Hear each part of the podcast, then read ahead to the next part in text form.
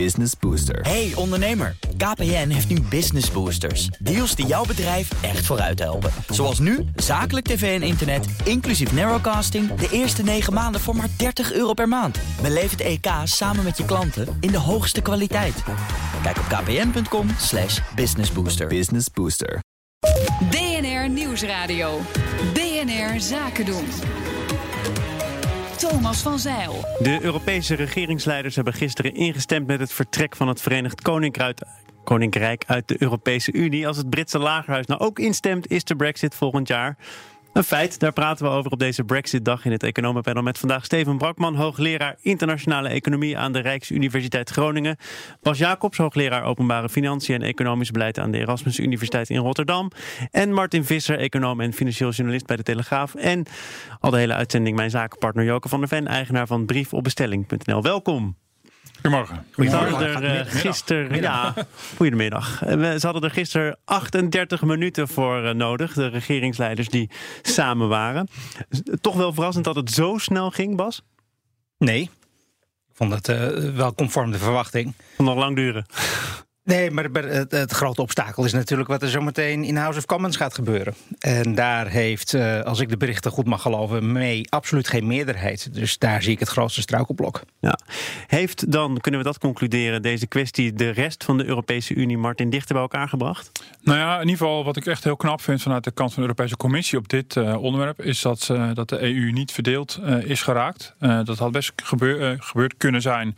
En dan was het, had het er allemaal nog veel en veel lelijker uitgezien. Dreigde even rondom Spanje en de kwestie Gibraltar. Ja. Dat is in de kiem uh, gesmoord. Nee, maar je kan zeggen dat uh, Michel Barnier, de EU-onderhandelaar, dat heel slim heeft gedaan.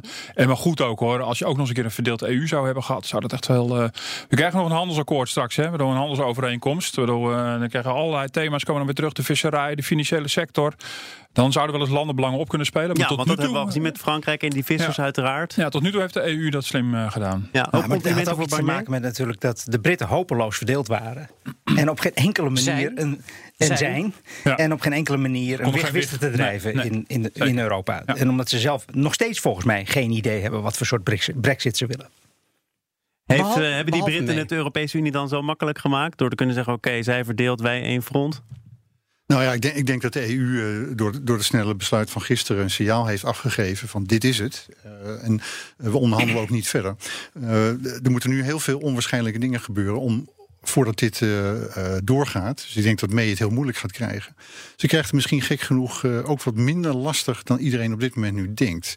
Eh, die, die Brexiteers eh, die staan natuurlijk toch voor een groot probleem. Stel dat ze eh, mee wegstemmen, dan, dan dreigt een referendum. Nou, gegeven de politieke chaos, is het wegstemmen een groot risico voor hun. Dus stel dat er een nieuwe, nieuw referendum komt. En de steers die hebben ook een probleem. Die, die hebben natuurlijk. Die zien eigenlijk het lidmaatschap van de EU eh, het liefst. Nou, dat gaat niet gebeuren. Dus als ze dit wegstemmen, dan dreigt er iets anders, namelijk een heel slecht verdrag. Namelijk terugvallen op de WTO-default.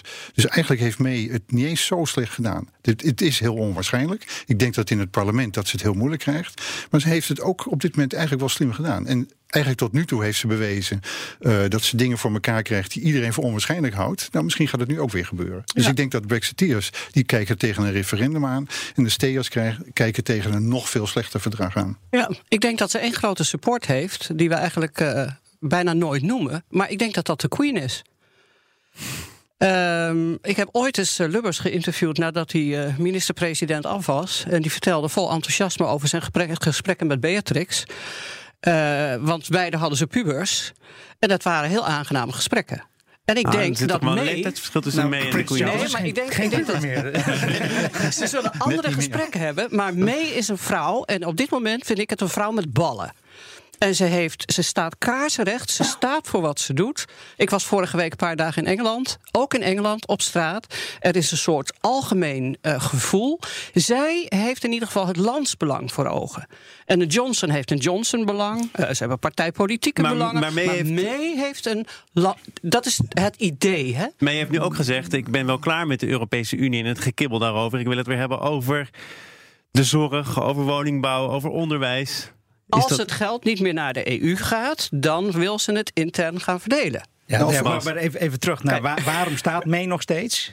En ik geef uh, Steven daarin uh, zeer gelijk. Dat intern is er totale verdeeldheid over wat een beter alternatief zou zijn. En je ziet hier wat economen het Arrows onmogelijkheidstheorema. Oh. Dat zie je hier in, in actie. Want, ik, ik, had me beter moeten voorbereiden. en, en, en, en het is eigenlijk niet zo ingewikkeld. als je een groep mensen hebt die optie A boven B boven C prefereren en weer een andere groep mensen die optie B boven C boven A. En weer een derde groep mensen die optie B boven A boven C prefereren. Dan heb je geen enkel politiek proces wat leidt tot een nette uitkomst waarin eh, de, de belangen, de, de voorkeuren van in dit geval het land op een goede manier worden weerspiegeld in die besluiten. En, en volgens mij is het dit, is, dit klinkt heel theoretisch, maar eh, alles gaat nu afhangen wat het politieke spel gaat hm. zijn in het Verenigd Koninkrijk. Welke opties tegen elkaar uit worden gespeeld binnen die partijen, maar ook tussen die partijen in het parlement. En volgens mij kan er echt van alles gebeuren. Steven ja. Brakman had het al over een referendum. Ik denk dat ook uh, vervroegde verkiezingen een optie kunnen zijn. Als dit geen meerderheid in het, uh, in het uh, House of Commons krijgt, dan zou het best kunnen zijn dat Theresa May aftreedt en dat we vervroegde verkiezingen krijgen. En dan, dan zie je dat die, wat je nou wil met die Brexit, loopt dwars door alle partijen heen, waar grote verdeeldheid over is ook bij Labour. Steven. Nou, ik wil toch nog even terugkomen op wat net gezegd werd over dat uh, Theresa May het landsbelang voor ogen heeft. Um, dat is denk ik niet zo. Dus ik, ik, denk dat bij alle discussies over de Brexit, uh, wat we goed in de gaten moeten houden, is dat het heel slecht is wat er nu gebeurt. We hebben in Groningen samen met, uh, hebben we een keer uitgerekend, heb ik samen gedaan met collega's Tristan Kool, Harry Garretsen, van wat is nu het alternatief voor Engeland? Nou, het alternatief is er niet. Dus we hebben een berekening gemaakt. Stel dat het Verenigd Koninkrijk een handelsverdrag sluit met de hele wereld behalve met de EU, dan nog daalt de, de export met zo tussen de, tussen de 5 en 10 procent. Dus ze hebben geen alternatief. Dus het landsbelang voor, voor het Verenigd Koninkrijk is eigenlijk uh, eenledig. Dat is namelijk een verdrag met de EU, zoals het nu is. Mhm. Dus alles wat er nu gebeurt, wat daarvan afwijkt, is slecht voor de EU. Er staat, dus haaks, er staat dus haaks op wat uh, bijvoorbeeld Jeroen Smit vorige week zei in Buitenhof.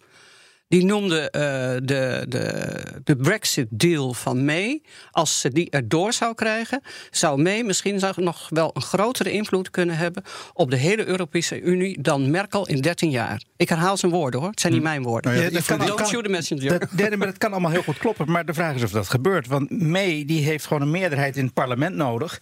En die Ierse unionisten, ze heeft nu een meerderheid van 13 zetels. Die Ierse unionisten hebben 10 zetels, die zijn al tegen. En dan heb je nog niet eens alle tegenstanders in haar eigen partij. Die allemaal uh, acties aan het, uh, onder die Jacob Rees-Mogg... die acties aan het ondernemen zijn om haar uh, af te zetten. En dan alle andere partijen, de Scottish National Party... de Liberal Democrats en de Labour Party zijn allemaal tegen. Dus ja, als mee dit er doorheen krijgt... dan zou dat een huzarenstukje zijn. Maar ik moet het nog zien. Martin.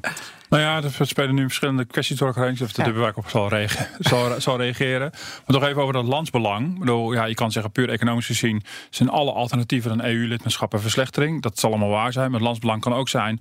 gewoon een referendum uitvoeren. En dat doet mee contre keur. Want ze was zelf niet voor Brexit. Dus in die zin ben ik het er helemaal mee eens... dat zij uh, tot nog toe vrij knap werk uh, levert.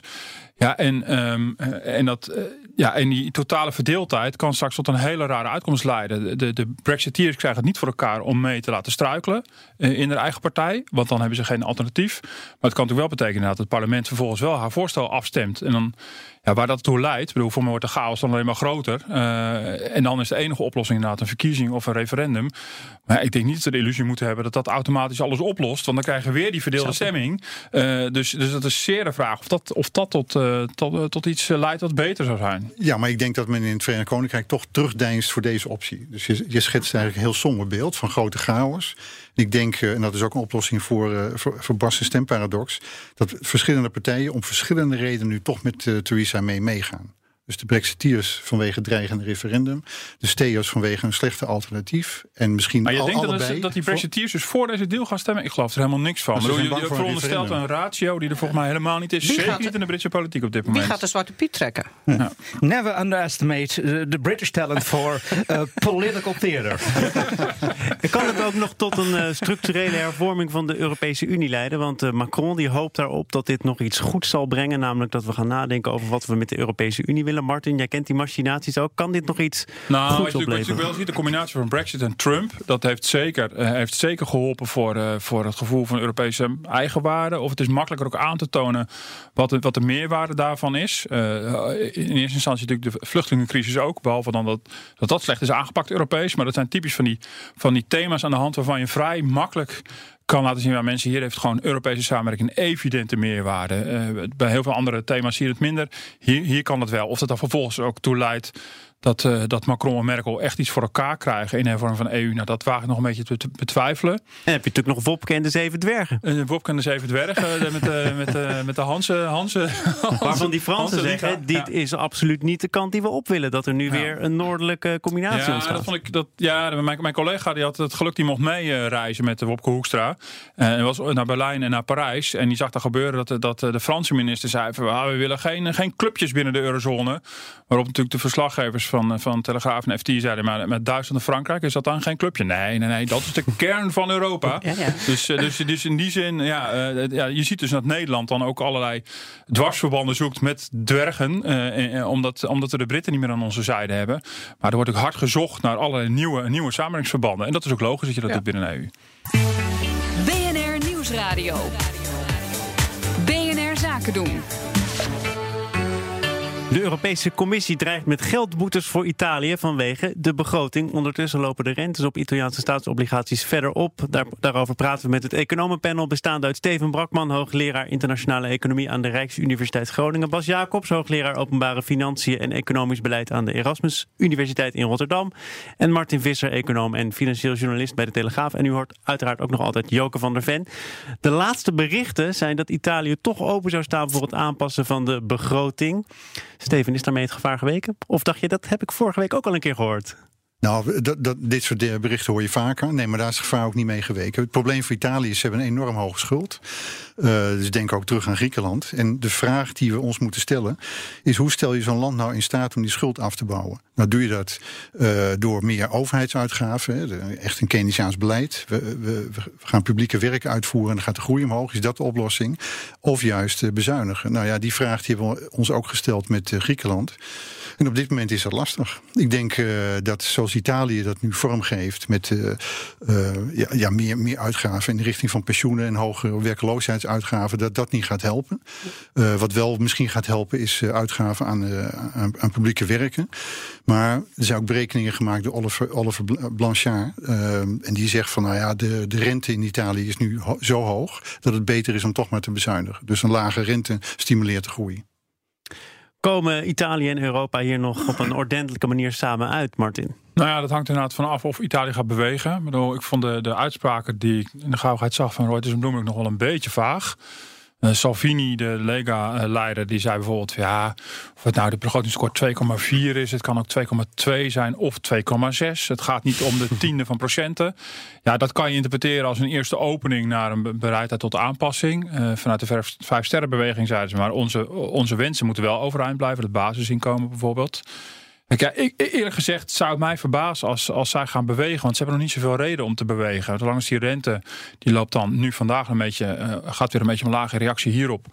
Maar ja, die was zo, was, was zo rond 3,5 procent. Uh, uh, ja, daar, ze hebben nog wel wat manoeuvreerruimte. Dus het lijkt mij stug dat ze nu al gaan bewegen. Maar de markt moet het doen, als ik jou goed begrijp. Als ze gaan nou ja, bewegen, dan ik, is dat... Uh, vooralsnog denk ik wel. Ik denk niet dat deze twee partijen erg onder indruk zullen zijn van spierballentaal vanuit uh, Brussel. Ik denk dat ze er juist wel bij varen. Ze doen het goed in de peilingen in Italië. Uh, dus ze hebben Europese verkiezingen komen begin volgend jaar aan. Dus je, voor de commissie is het op eieren lopen ja. in, in, dit geval. Dus ik denk dat als zij terugdijnen, is het alleen maar als, als ze bang zijn dat ze hun schuld niet meer kunnen terugbetalen. En dat zal de markt op mijn manier uh, ze toe moeten dwingen. Bas? Ja, ik zie in Italië vooral uh, politiek als grootste gevaar, niet zozeer economisch. Ik, uh, ik ga niet mee in alle, je zou kunnen zeggen, hysterie. Oh, die schuld die, die ontploft zometeen. Oh, dat gaat helemaal mis. nu al? Dat, uh, gezegd, soms, het grootste gedeelte van de Italiaanse staatsschuld is intern, is niet extern, zoals bij Griekenland. Het grootste gedeelte van de Italiaanse schuld is nog steeds relatief makkelijk te financieren. We zien dat uh, het probleem met Italië zit hem in de dodelijke omhelzing tussen banken en overheden. Dat weten we al zeker sinds het begin van de eurocrisis, sinds 2010. daar zou je ook beleid op moeten voeren om die dodelijke omhelzing Die banken die hebben veel te veel obligaties. Die overheid die kan, is eigenlijk te zwak om dit bankensysteem overeind te houden als het misgaat. Die dodelijke omhelzing te doorbreken. De, de banken daar hebben nog steeds veel, uh, veel verborgen problemen. Zie wat er vorig jaar gebeurde met Monte dei Paschi di Siena waar uh, bail-in niet werd toegepast. Dus Europa moet daar steviger op sturen? Ik denk dat, daar, uh, dat die bankenunie echt afgemaakt moet worden. En ja. dat ook, mochten er echt problemen ontstaan... een schuldherstructureringsmechanisme nodig is... mocht er op een ordentelijke manier een schuldherstructurering mogelijk zijn. Echter, het probleem zoals het nu zit met, met Italië... is dat met de overheid die we nu hebben... dat de... Uh, als je in aanmerking wil komen voor bijvoorbeeld steun van de ECB, als de obligatiemarkten bijvoorbeeld op hol zouden slaan, moet je je melden bij het ESM voor een noodprogramma. Gaat deze overheid, naar mijn schatting, inschatting, niet doen. Wil je dat de bankenunie uh, via het crisisresolutiemechanisme Italiaanse banken overeind gaat, uh, gaat houden, dan moet je je ook melden bij de Europese instanties. Gaat, denk ik, deze regering niet doen. Dus voor mij is de grote politieke vraag: is Mochten er problemen ontstaan, en voorlopig denk ik dat we dat, we dat, dat nog te zwaar aanzetten, maar mochten er problemen ontstaan, is het grootste probleem politiek, niet e- economisch. Ik denk dat we met politieke uh, uh, behendigheid wel weer de boel overeind kunnen houden, maar als Italië zelf niet wil, saneren van de financiële sector, eventueel dingen doen met de publieke sector, hervormingen op lange termijn, dan denk ik dat het leiding last is in Europa. Italië is too big to fail. Maar die dodelijke omhelzing van staat en banken, dat is precies de reden waarom die Italiaanse schuld makkelijk financierbaar is omdat de eigen bank een heel groot deel van die staatsleningen opkoopt. Dat is exact dus de keerzijde van precies hetzelfde fenomeen. Uh, dus ik denk dat als je, als je bij een manier Italiaanse banken zou aanpakken en zou zeggen, weet je, van mij wordt een plafond erop zetten wat ze aan Italiaanse staatsschuld op de balans mogen hebben, dan wordt de financierbaarheid van die staatsschuld meteen stukken minder. Dus in die zin uh, is, is het, vind ik het geen goed nieuws dat Italië zijn schuld zo makkelijk kan financieren. Dat is nou juist het probleem volgens Steven. mij. Steven. Nou ja, dit is eigenlijk de reden. Uh, de reden die Martin nou noemt, is eigenlijk de reden waarom mensen toch een beetje zenuwachtig zijn voor die hoge Italiaanse staatsschuld. En ik denk toch dat we moeten nadenken hoe breng je een schuld omlaag. Dus hoe help je nou een land om die schuld omlaag te brengen? Nou, er zijn allerlei problemen, financiële problemen. Die financiële sector die doet het niet goed. We hebben politieke problemen in Italië. Men wil ook niet bezuinigen. Maar de vraag is, en die vraag hadden we ook met Griekenland, hoe stel je nou zo'n land in staat om uh, om, om, onder die schuld uit te gaan. Nou, de groei is laag, dus dat, uh, dat helpt niet mee. Uh, en je wilt toch het groeivermogen van zo'n economie uh, omhoog brengen. Nou, wat, wat Europa eigenlijk doet, hè, het eurogebied, is eigenlijk een one-size-fits-all beleid. Het is altijd bezuinigen. Dus eigenlijk hebben ze een vrij armoedige reactie op dit soort problemen. Dat het is bezuinigen, bezuinigen, bezuinigen. En je zou ook eens kunnen nadenken: van, ja, hoe stel je nou een land in staat om uit zo'n probleem te, nou, te groeien? was het natuurlijk wel zo. Ik, bedoel, ik ben het wel in die zin met, met, wel ook met Bas eens dat het, dit zijn verlangen, belangen na nog geen Griekse toestanden. Ik bedoel, het is niet zo dat op elk moment de Italiaanse staat kan omvallen. Um, uh, dus in die zin hebben we nog heel veel ruimte voordat, voordat het echt helemaal misgaat. En is het primair is een Italiaans uh, probleem. Maar je kan niet zeggen dat het recept nu is bezuinigen, bezuinigen, bezuinigen. Want de Italiaanse begroting stond er relatief goed voor. Ik bedoel, die stond er ja. veel beter voor dan de Franse. Waar het niet dat een heel groot deel van een begroting opgaat aan rentelasten. Ja, precies. En als, en, en als Italië omvalt? Ja, en als Italië omvalt, ja, dan uh, hebben ze eerst, dan, dan eerst hebben Italië een enorm probleem. En dan vervolgens. Ja, ja, nee, tuurlijk. En dan heb je natuurlijk alsnog wel een heel groot probleem. Ik denk alleen dat het veel verder weg ligt dan, dan, dan destijds. Ja, maar die discu de discussie nu gaat in feite over om dit allemaal te voorkomen. Dus uh, de, de, er is niet echt een, uh, een rampenscenario wat zich nu voltrekt. Maar je wil ook voorkomen dat het over een, een x aantal maanden wel het geval is. Dus daar, daar denk je nu over na om dat te voorkomen. Nou ja, dat lijkt me heel verstandig om daar nu alvast over na te denken. Juist wat, wat, wat, wat, ik heel raar vind in deze discussie is dat wij in Europa menen een Europees land tot de orde te moeten roepen. En dat zit ingebakken in die Europese regels. Dat hebben we op een, maar we hebben geen formele beslissingsmacht. Het blijven soevereine staten. En, ja. en ik heb zoiets van ja, als je wil dat je op Europees niveau kunt ingrijpen in een land, ja, dan moet je soevereiniteit overdragen naar het Europees niveau. Als je nee. dat niet wil, dan moet je regels maken zodanig dat het land van de rails kan lopen zonder dat het allerlei consequenties voor jouw land heeft. Maar, vaak, maar die, die... Dit, dit, dit, dit, dit is met dat vingertje wijzen. Wij zouden het ook niet accepteren als Italianen van ons land zouden zeggen van je moet dit anders doen, je moet zus doen, je moet dat doen. Maar er is toch Want een boete het is allemaal hartstikke slecht wat jullie allemaal dat als je die regels overtreedt, dat je dan een boete zou betalen, wat overigens nog niet ja, maar gebeurd dit, er is. zit maar- zoveel manoeuvreren uit een marchandeerruimte. Ja. En dat is natuurlijk ook gebleken. En dat wordt ook, dat wordt ook eh, terecht aangehaald. Ik bedoel, het is natuurlijk al be- begonnen natuurlijk met Duitsland en Frankrijk in 2003, 2004. En daarna zijn er natuurlijk tal van landen die natuurlijk eh, af en toe een begroting een beetje moesten aanpassen. Mhm. en, en die toch heel, heel makkelijk mee, mee weg konden komen. We hebben een soort, soort tussenin model gekozen. Waarin we, uh, waarin we dus geen heel duidelijk, precies wat Bas zegt, geen uh, volledige overdracht van soevereiniteit hebben. Maar we zitten er een beetje tussenin. En wat je, wat je nu ziet, je krijgt nu een clash tussen het Italiaanse electoraat, die botsen op de Brusselse regels. En deze regering, wat je van hun plan ook vindt, voert gewoon dommig uit datgene wat ze aan hun kiezers hebben beloofd. En ik denk dat Europa het draagvlak voor het eurogebied voortdurend aan het ondermijnen is. Doordat ze eigenlijk bevolkingen in Europa tegen Europa aan het opzetten is met deze toch tamelijk bizarre regels die we de hele tijd proberen op te leggen. Steven. Waar Bas op wijst, is eigenlijk een heel fundamenteel probleem in het eurogebied. We hebben de wisselkoers afgeschaft. Hè. Het wisselkoersinstrument zijn we, zijn we kwijtgeraakt met de invoering van de euro. En wat we niet hebben gedaan, is inderdaad macht overdragen aan een centrale instantie die, die dat coördinatieprobleem binnen Europa oplost. Dus we, hadden, uh, we zitten nu met begrotingsregels, met staatsschuldsregels. Maar die, die hebben eigenlijk niks te maken met het feit dat we een wisselkoersinstrument hebben opgegeven. Daar moeten andere dingen voor plaatsvinden. Bijvoorbeeld een transferunie. Uh, of je moet Waar de noordelijke landen niet zoveel in zien, omdat ze denken dan moeten wij het bloeden van de zuidelijke Zeker landen proberen deze constellatie ja. natuurlijk. Ik, bedoel, wat, wat ik ben het hier ook niet mee eens. Ik vind het een foutieve weergave van heel veel economen. Ik bedoel, Steven is bepaald niet de enige die zegt: het is of naar de Verenigde Staten of Europa, of de euro kan niet functioneren. Uh, dat is gebaseerd op een idee van optimale valutagebieden. Dat je een substituut moet hebben voor het wegvallen van de wisselkoers. Bijvoorbeeld via transfers of via mobiliteit en andere dingen. Ik geloof niet dat het ontbreken van de wisselkoers de reden was dat wij in Europa in de problemen kwamen. Die zaten in het financiële stelsel. Theorie van optimale valutagebieden heeft geen enkel verhaal over hoe je met financiële problemen in een muntunie moet omgaan. De financiële sector zit daar niet in. Um, en ik denk dat daar de oplossingen gevonden moeten worden om toch een muntunie te kunnen draaien, zoals in Europa, met voldoende schokbrekers en, en, en, en structureringsmechanismen als je financieel van de, van de rails loopt.